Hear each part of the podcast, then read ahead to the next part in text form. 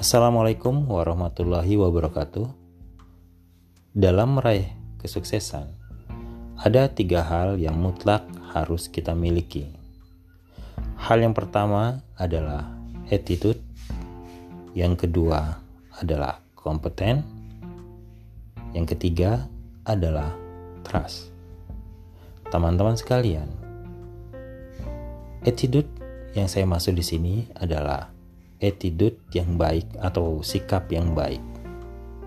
Orang boleh pintar berkali-kali lipat, tapi ketika dia tidak memiliki attitude yang baik, dia mungkin saja mencapai puncak kesuksesan.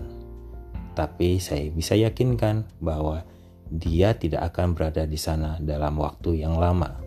Berbeda apabila kita memiliki attitude yang baik. Karena attitude yang baik itu akan sangat-sangat membantu ketika kita berada dalam kesuksesan, kita akan berada di sana dalam waktu yang lama. Lalu yang kedua adalah kompeten. Kompeten di sini artinya adalah kita memang orang yang tepat, orang yang benar dan orang yang ahli dalam bidang yang dimaksud. Jadi kita bisa menjadi sumber informasi yang dipercaya sehingga memudahkan orang untuk bertanya dan kita mampu memberikan jawaban yang tepat atas segala pertanyaan yang diberikan terhadap bidang yang kita kuasai. Lalu yang ketiga adalah trust.